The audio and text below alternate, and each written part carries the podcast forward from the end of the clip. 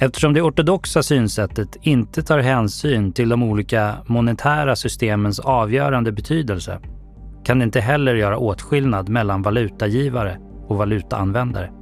Vilket är en annan viktig utgångspunkt för modern penningteori. I den ortodoxa teorin om sunda statsfinanser där staten blir jämförbar med ett privat hushåll måste staten per definition alltid driva in pengar innan den kan spendera. Den framställs alltså som en valutaanvändare. Att likna vid andra valutaanvändare såsom delstater i en federation, kommuner, företag och hushåll. Som jag påpekade tidigare förklarar detta den ordningsföljd som återkommer i litteraturen. När forskarna studerar migrationens inverkan på statsfinanserna redovisar de därför alltid först hur mycket skatter migranterna betalar in, offentliga inkomster, och sen hur stor del av offentliga sektorns utgifter som går till migranter, offentliga utgifter. Om den förstnämnda posten inte uppväger den sistnämnda kickar budgetbegränsningen in och staten måste se till att den får in pengar som täcker underskottet. Det kan den göra genom att höja skatterna, låna, omfördela pengar mellan budgetområden eller, vilket föreslås av forskare inom målkonfliktskolan, begränsa migranternas tillgång till välfärd. Men för länder som ger ut sin egen valuta gäller inget av detta. Istället är ordningsföljden den motsatta.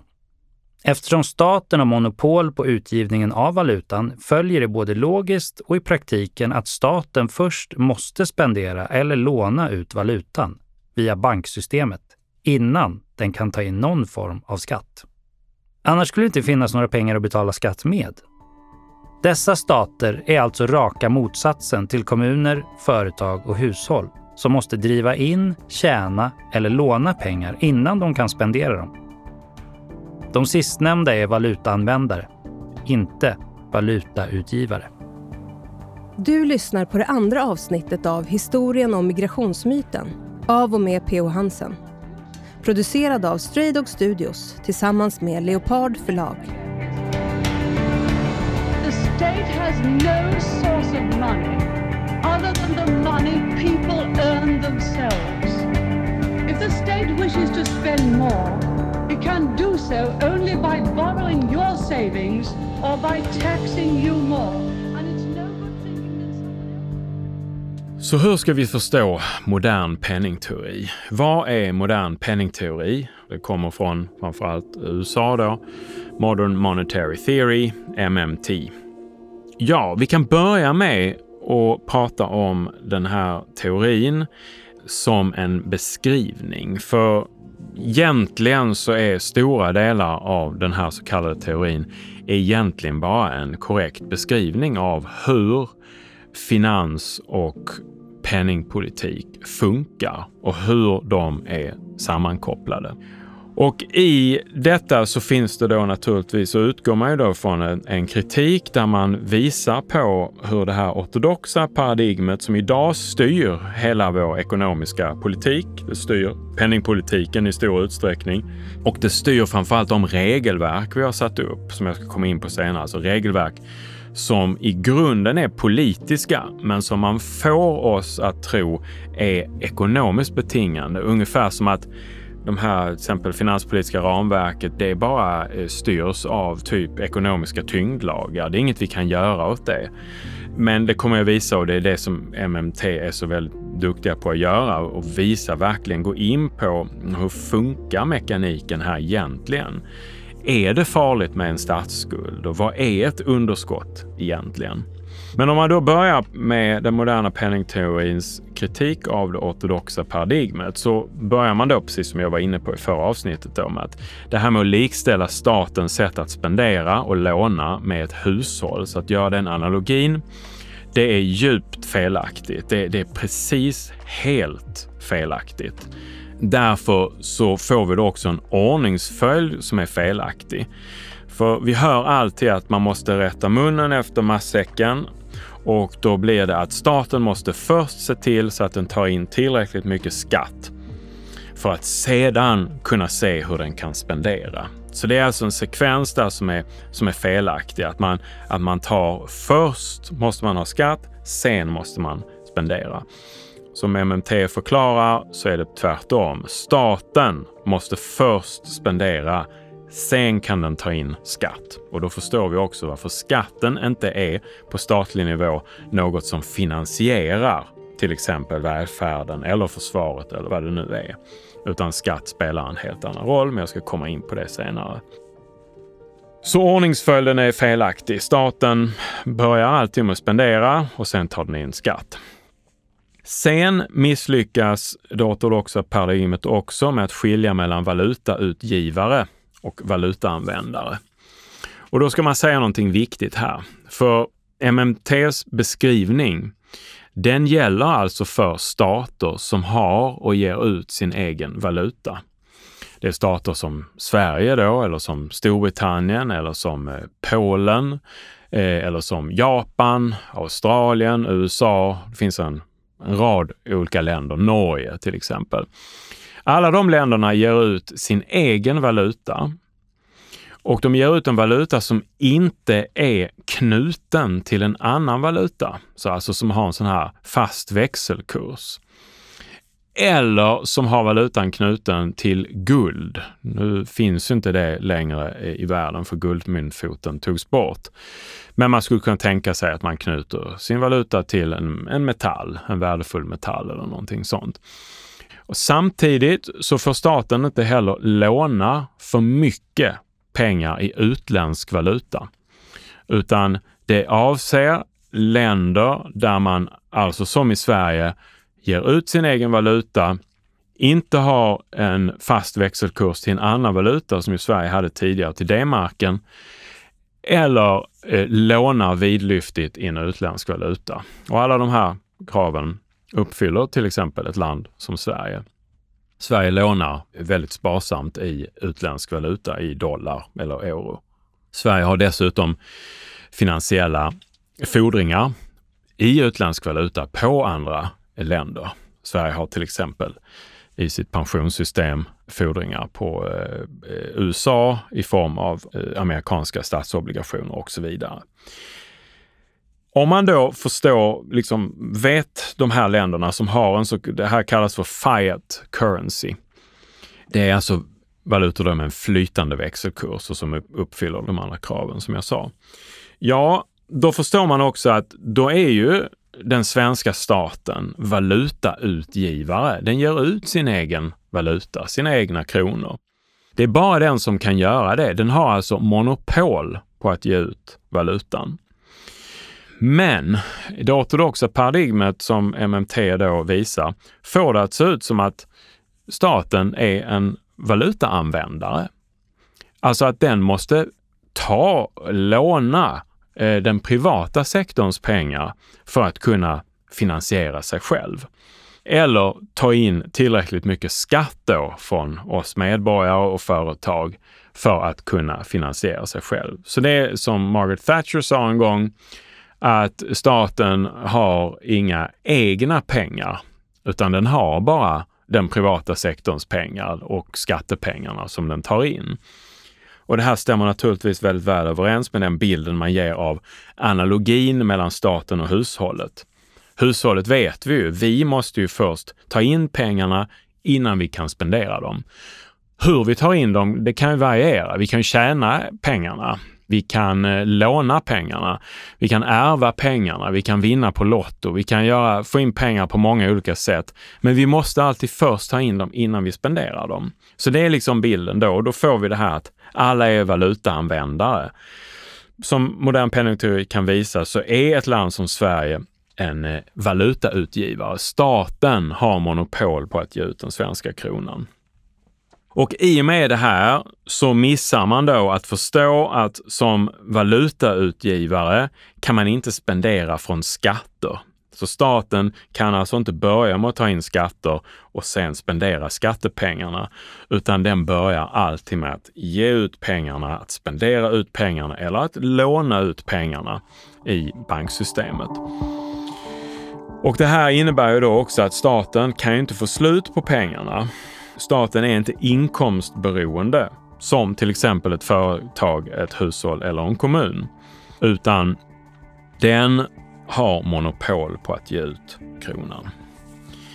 Det här gör då också att det här med underskott och överskott och statsskuld, det förstås inte korrekt i det ortodoxa paradigmet. Alltså det jag pratade om i förra avsnittet, att det här att det är farligt att ha underskott och det är farligt med skuld och så vidare.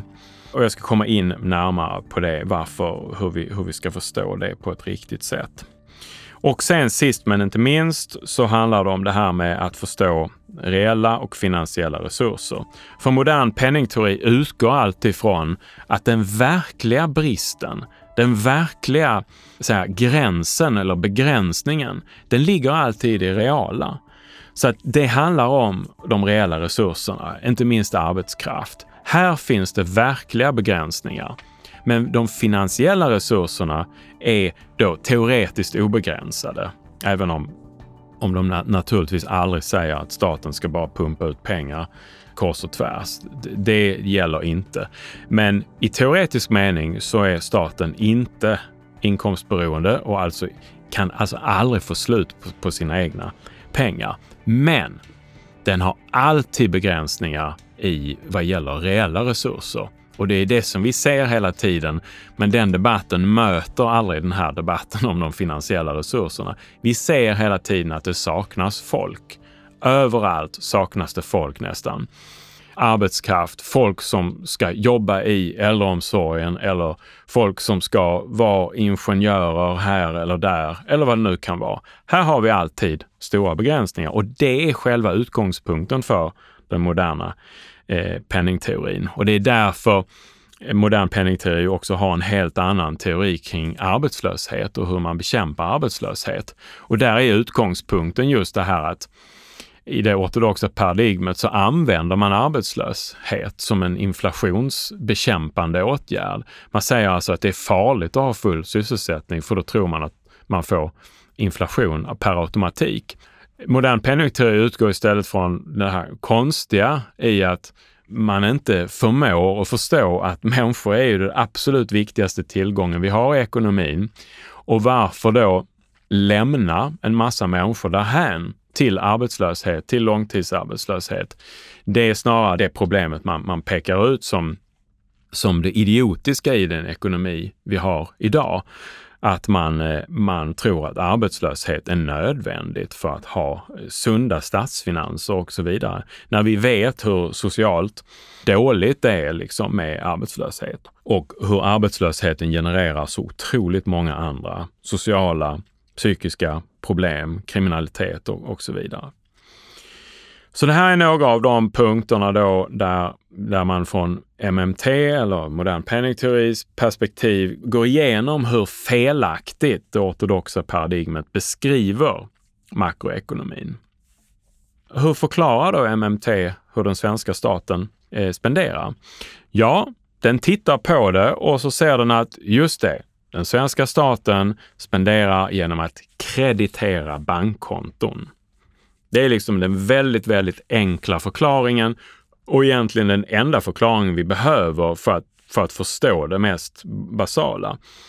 Jag jobbar på universitetet, jag är statligt anställd. Jag får min lön genom denna operation. Att staten eh, helt enkelt krediterar mitt bankkonto. Om vi ska göra det här lite mer komplicerat så funkar det inte rakt på det här sättet, utan vad som händer är att staten, alltså Finansdepartementet, instruerar statens bank, alltså Riksbanken, att kreditera, att utföra de här operationerna. Så att Riksbanken börjar då med att kreditera banksystemet med någonting som heter bankreserver eller centralbankreserver. Och bankerna sedan krediterar mottagarnas insättningar. Så alltså, då får vi våra pengar på, på våra konton. Men det är inte bankreserver vi får på våra konton, utan det är bankpengar. Och här finns det då en, en, skillnad. Men man behöver inte gå in mer detaljerat på det än så. Men när vi pratar om bankreserver så är det alltså den pengaart som, den typen av pengar som sitter högst upp i pengapyramiden. Det är den, den typen av pengar som sätter igång allting annat, skulle vi kunna säga. Så att när till exempel banker då clearar betalningar i betalningssystemet, då använder de alltid bankreserver. Då måste de använda bankreserver. Så att när man har, när olika bankkonton används när man köper varor och tjänster i ekonomin och det ska föras över pengar då mellan banker, då använder bankerna bankreserver. Och bankreserver kan alltså inte bankerna själva framställa. Bankerna kan själva framställa krediter, det som vi lånar. Men bankerna kan aldrig framställa bankreserver. Det är här, det är den meningen vi pratar om att staten har monopol på att ge ut valutan. Jag tycker att det är svårt att förstå, så jag dubbelkollar med Stefan Ingves på Riksbanken. Hur man skapar pengar. Det är en bra fråga. Det är en väldigt bra fråga. Och ska man vara riktigt, riktigt noga så tar det lång tid att gå igenom det i alla dess detaljer. Eh, men låt mig ändå försöka ge en kort version av, av det här. Det finns i Sverige två sorters pengar. Det finns privata pengar. Det är insättning på bank och det finns riksbankspengar. Det är pengar som Riksbanken eh, ger ut. Om vi börjar med de privata pengarna, hur fungerar det? Anta att jag lånar 100 kronor i en bank. Ja, då sätter banken, då ökar banken inlåningen på mitt konto i banken. Och då har vi skapat 100 kronor privatbankspengar. Men vad händer om vi skapar riksbankspengar då? Om jag tänker på det här i elektroniska eh, termer. Ja, anta att en bank lånar 100 kronor av Riksbanken. Ja, då får den banken 100 kronor mer på sitt riksbankskonto och då har vi skapat 100 kronor riksbankspengar. Vad är det då för skillnad mellan riksbankspengar och privata pengar? Jo, skillnaden är att riksbankspengar, de tar inte slut. Riksbankspengar kan vi på Riksbanken skapa hur mycket som helst vid behov. Och det kan man inte i den privata banksektorn. All right, det var inte svårare än så. Tillbaka till PO. När detta har hänt, när staten har krediterat banksystemet och med bankreserver och banksystemet har krediterat våra insättningskonton med bankpengar, då är utgifterna betalda. Så det är liksom, det är budgeten. Man tar budgeten och beslutar vilka konton ska krediteras, vad är det vi ska spendera på? Och sen sköts det på det sättet. Och när det är gjort så är utgifterna betalda. Och detta är då en beskrivning, återigen. Det här är ingen teori i den meningen, utan det, det är så här det, det, det faktiskt eh, funkar. Och det har ingenting med, med politik att göra, utan det är så här det går till.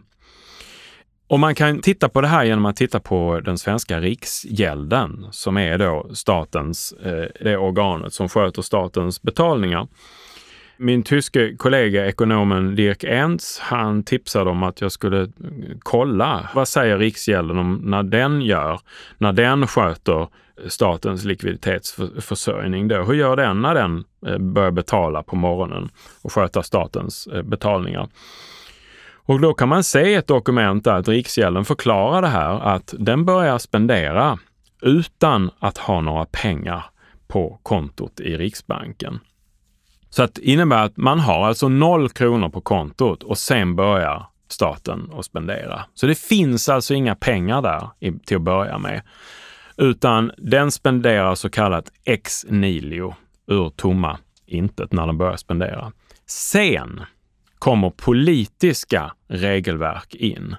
Och det är väldigt viktigt att komma ihåg att de här är politiska, de här regelverken. Det finanspolitiska ramverket som stipulerar en massa saker om att Sverige ska ha överskott och vi ska ha krona för krona och vi ska ha utgiftstak och kommunerna ska ha budget i balans och det är lagstiftat och så vidare. Men de regelverken de gör sen att till exempel staten är tvingad att låna om den har minus på kontot i slutet på dagen. Så där har vi en, en sån här politisk regel. Om staten hade velat så hade den inte behövt ha den regeln, utan då hade man kunnat spendera rakt ut från eh, Finansdepartementet eh, utan att behöva kompensera det med så kallade lån vid slutet av dagen. Men de regelverken har vi och de ter sig som regelverk som blott svarar mot ekonomiska tyngdlagar. Men det gör de inte, utan de svarar mot djupt ideologiska grundsatser som finns då i det här ortodoxa eller neoklassiska paradigmet. Vad som också är intressant, om jag får hoppa tillbaka lite till det här eh, dokumentet från Riksgälden, det är att Riksgälden ju säger som jag sa att den börjar spendera med noll kronor på kontot hos eh, Riksbanken. Alltså regeringen har noll kronor och man spenderar då ur tomma intet. Men eh, pedagogiskt nog så påpekar den också att när den spenderar i utländsk valuta, då måste man ha täckning för det innan man börjar spendera. Så det här redogör väldigt upp pedagogiskt för skillnaden på när staten lånar sina egna pengar, vilket du då inte kan i riktig lånemening. Men och hur den skiljer sig då från när den lånar i utländsk eh, valuta, spenderar i utländsk valuta. Att då är det en helt annan sak och då liknar det mycket mer eh, hushållens eller företagens sätt att låna.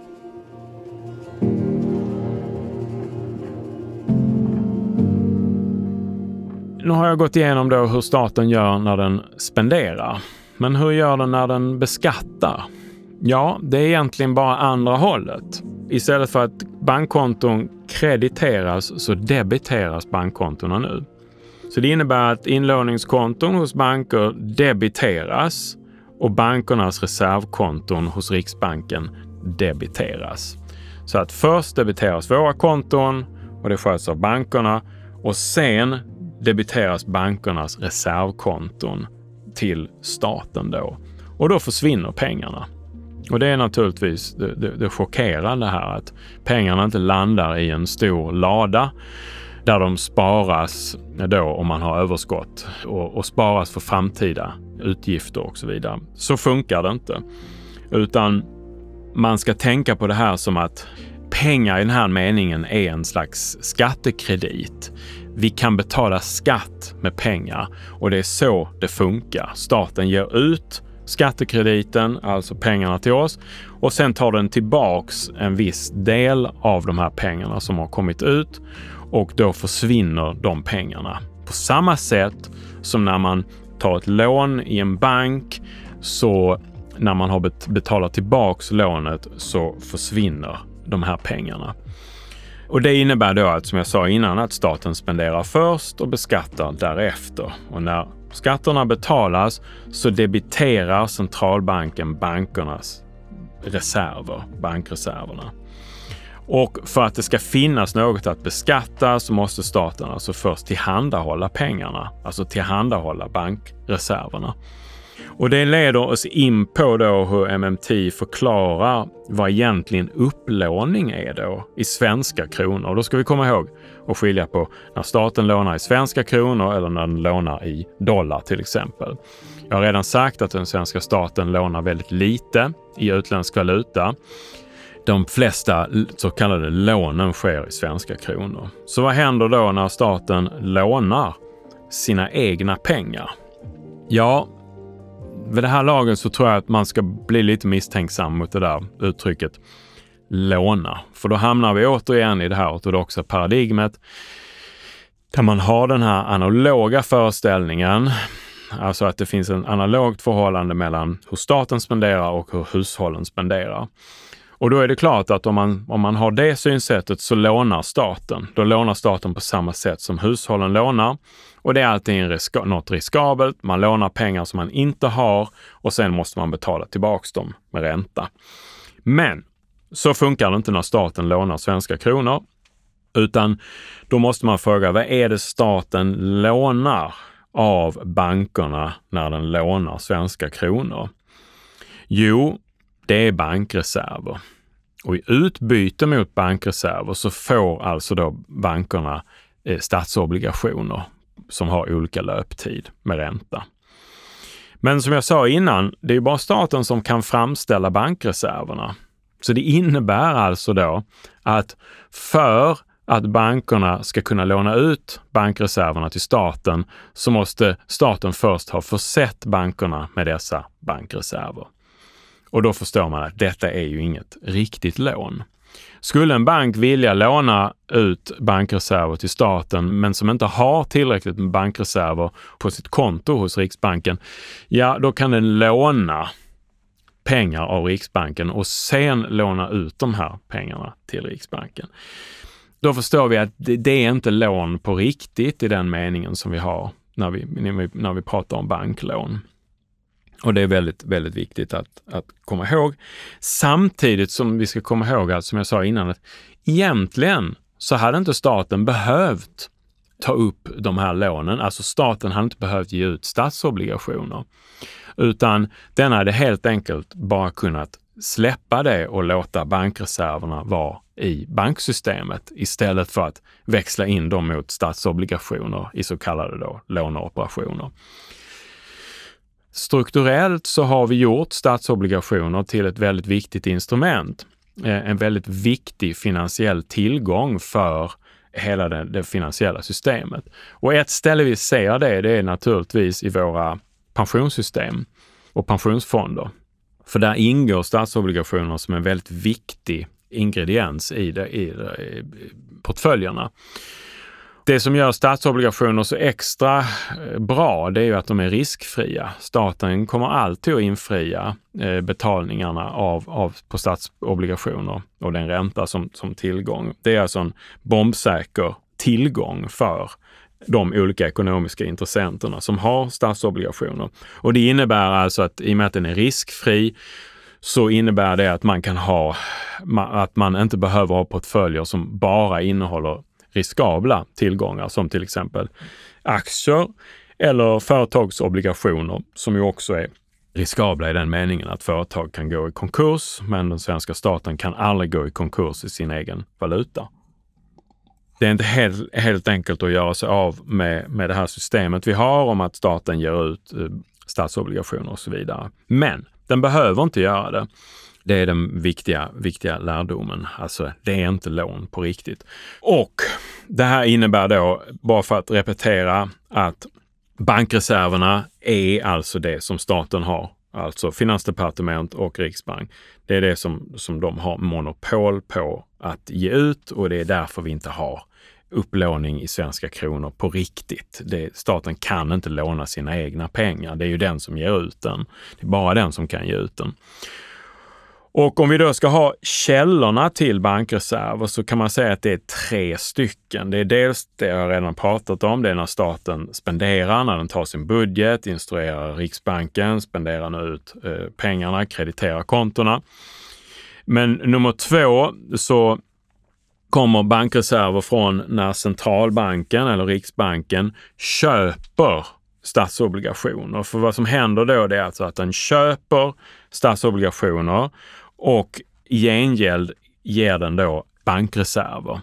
Så att banker eller andra intressenter som, eh, där de här transaktionerna sker, så innebär det att bankerna har två konton hos Riksbanken. Ett där de har bankreserver, ett där de har statsobligationer. Så det är en swap däremellan, alltså att eh, centralbanken köper statsobligationerna och krediterar då i gengäld bankernas reservkonton.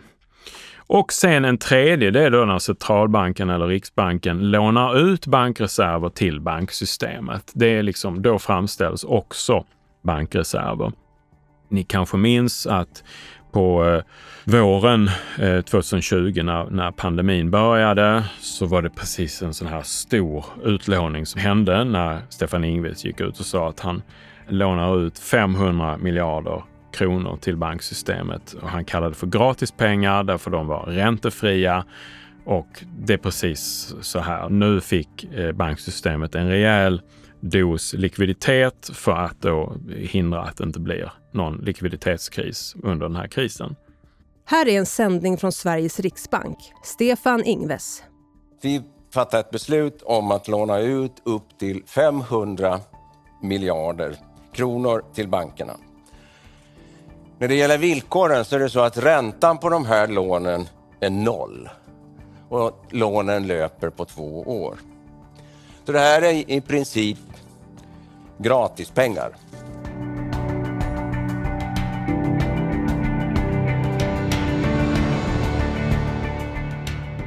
Så tillbaka till frågan, vad är då statsskulden? Ja, för att citera eh, Stephanie Kelton som är en av de, de eh, främsta ekonomerna inom modern penningteori, så beskriver hon statsskulden som inget annat än ett historiskt, en historisk uppräkning av alla de pengarna, alltså i det här fallet alla de kronorna som har spenderats av regeringen över tid, men som inte har skattats tillbaks.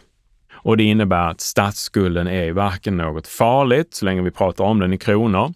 Den är varken något farligt eller något, något som är negativt i den meningen, som man förstår en privatskuld. Det som händer med statsskulden, det är alltså ackumulerade underskott. Så när varje år, budgetår, man har underskott, det innebär att man ger ut statsobligationer.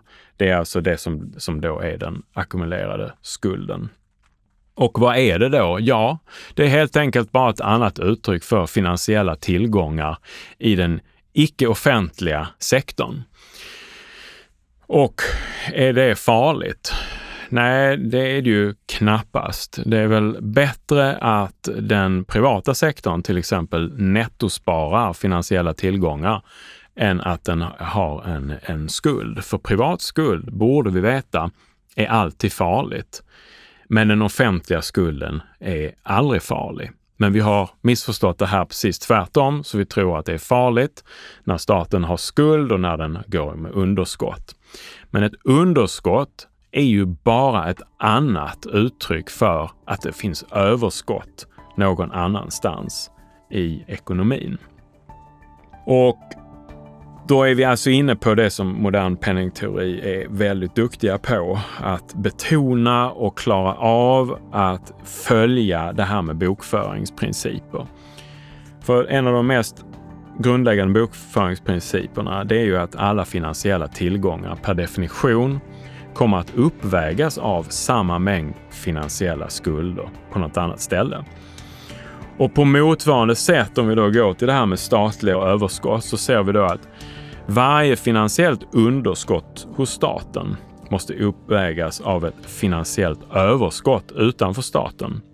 Och vi kan säga att varje finansiellt överskott måste uppfyllas av ett finansiellt underskott någon annanstans utanför staten. Alla kan inte gå med överskott, även om det är det intrycket man kan få när man lyssnar på politiker. Precis som alla inte kan ligga över genomsnittet. Det är liksom omöjligheter, men, men som, som är i många politikers och, och ekonomers verklighet eh, verkar vara en möjlighet. Och här inför då modern penningteori det som man kallar en sektorsbalansansats och som bygger då på en ekonom som inte lever längre, som heter Wynne Godley, som hade den här som sin paradgren och som var väldigt viktig då därför att han genom sektorsbalansansatsen kan då studera ekonomin, den helhetliga makroekonomin på ett väldigt intressant och väldigt eh, ändamålsenligt sätt. Därför då kan man se var finns skulderna, var finns, var finns tillgångarna och så vidare. Och har man då förstått det här på ett, på ett riktigt sätt så förstår man ju att privata skulder är väsensskilda från offentliga skulder, om vi pratar om, nu som i Sverige, svenska kronor.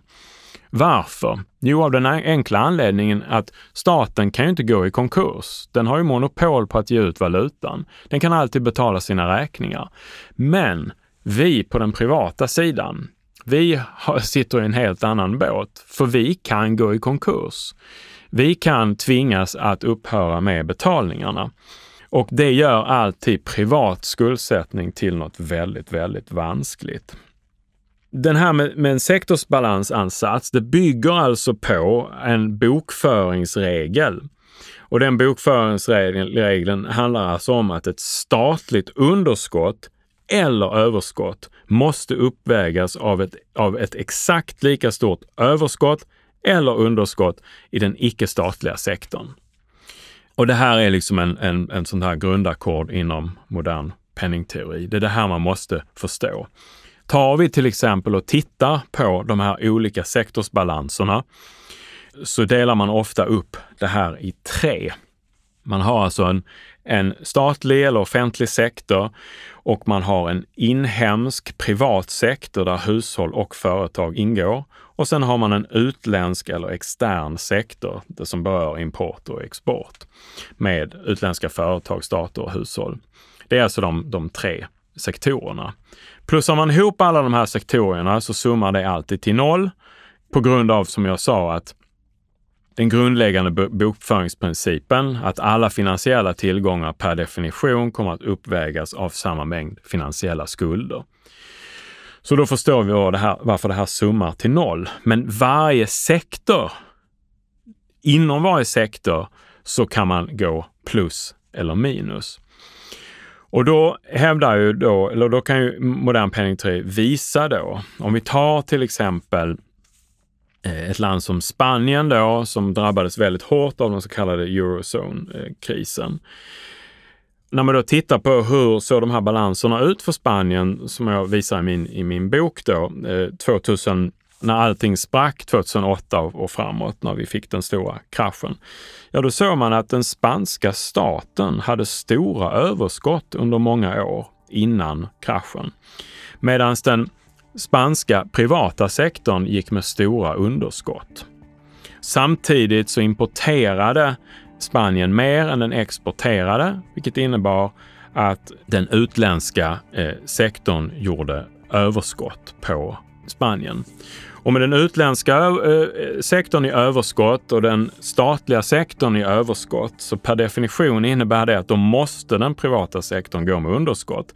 I och med att de här olika balanserna, när man adderar dem ihop, så blir det noll. Och det här var någonting som då fällde hela den spanska ekonomin. Därför att privata skulder, som jag sa, de måste betalas. Annars kraschar ekonomin när man får den här enorma skalan och de här enorma skulderna som fanns i den privata sektorn. Det intressanta är om man tittar på hur det såg ut i Sverige innan den så kallade 90-talskrisen, alltså den stora finanskrisen, bankkrisen i Sverige, eh, så ser man samma sak där. Den svenska staten har då eh, stora överskott i slutet på 80-talet och jag tror ända in början på 90-talet. Den utländska sektorn har också stora överskott på Sverige. Sverige importerar alltså mer än vad den exporterar. Och då innebär det per definition att om du har plus på export, på, alltså om utlandet har plus på Sverige och staten har plus, då måste den privata inhemska sektorn gå med minus. Och det gjorde den. Och det den riskabla utlåningen som, så, och skuldsättningen som fanns i den privata sektorn, hushåll och företag i Sverige, fick alltså hela den svenska ekonomin att krascha. Och vad man gjorde därefter, det är ännu ett sånt där missförstånd att då, då hade ju Sverige en fast kronkurs, eller man hade den här växelkurssamarbetet mot den tyska D-marken. Och vad man gjorde då efter, det var ju att man gjorde Sverige till en, en fiat currency. Men samtidigt införde man ett finanspolitiskt ramverk eh, som inte hade behövts nu när vi faktiskt hade en flytande kronkurs. Och det är liksom det som har gjort att Sverige sedan 90-talet har då fört en väldigt, väldigt osund eh, finanspolitik där man ständigt har skurit och, och så kallat sparat. Men man har stramat åt varje år och det har fått då väldigt elakartade konsekvenser för ekonomin i stort. Och det har också tvingats eh, hushållen att återigen skuldsätta sig väldigt, väldigt hårt, att ta upp mycket skuld framförallt på bostäder. Men den här sektorsbalansansatsen, eh, den hjälper en väldigt mycket att förstå just skillnaden på den privata skuldsättningen och den offentliga skuldsättningen. Som jag sa, när staten går med underskott, då är det bara ett annat uttryck för att säga att någon annanstans finns det ett överskott. Ofta så har vi blivit rikare när staten har underskott. Men väldigt många ekonomer och politiker de får det som att låta att när staten har överskott, då blir vi, alltså den inhemska privata sektorn, rikare. Men om staten tar mer skatt från oss, vi betalar in mer skatt än vad vi får tillbaks eller staten spenderar mindre pengar än vad den tar tillbaks i skatt, ja då blir ju vi fattigare. Vi blir inte rikare av det.